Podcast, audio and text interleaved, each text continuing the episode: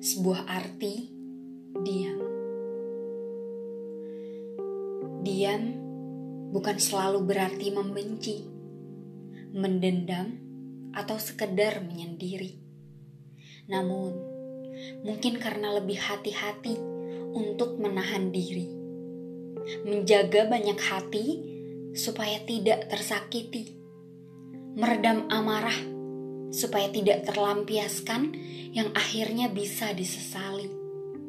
Mungkin ia mencoba beradaptasi pada situasi, sebuah usaha untuk luka dalam agar bisa terobati, sebuah usaha dalam memaknai untuk bisa berdamai dengan setiap hal yang terjadi.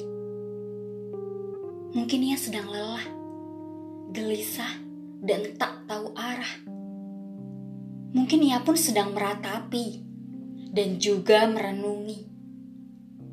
Mencoba mencerna apa yang dialami.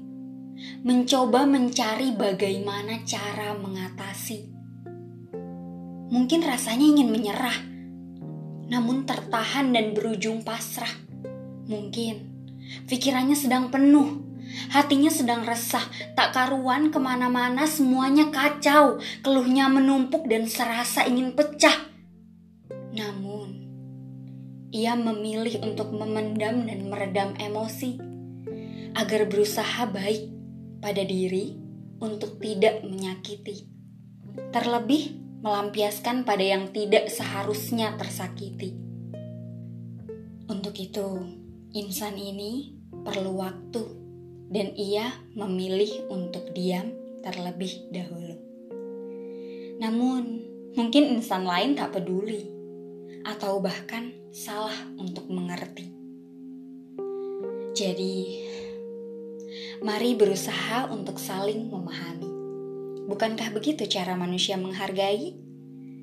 Dengan mencoba memahami. Agar tercipta jalinan manusia yang memanusiawi.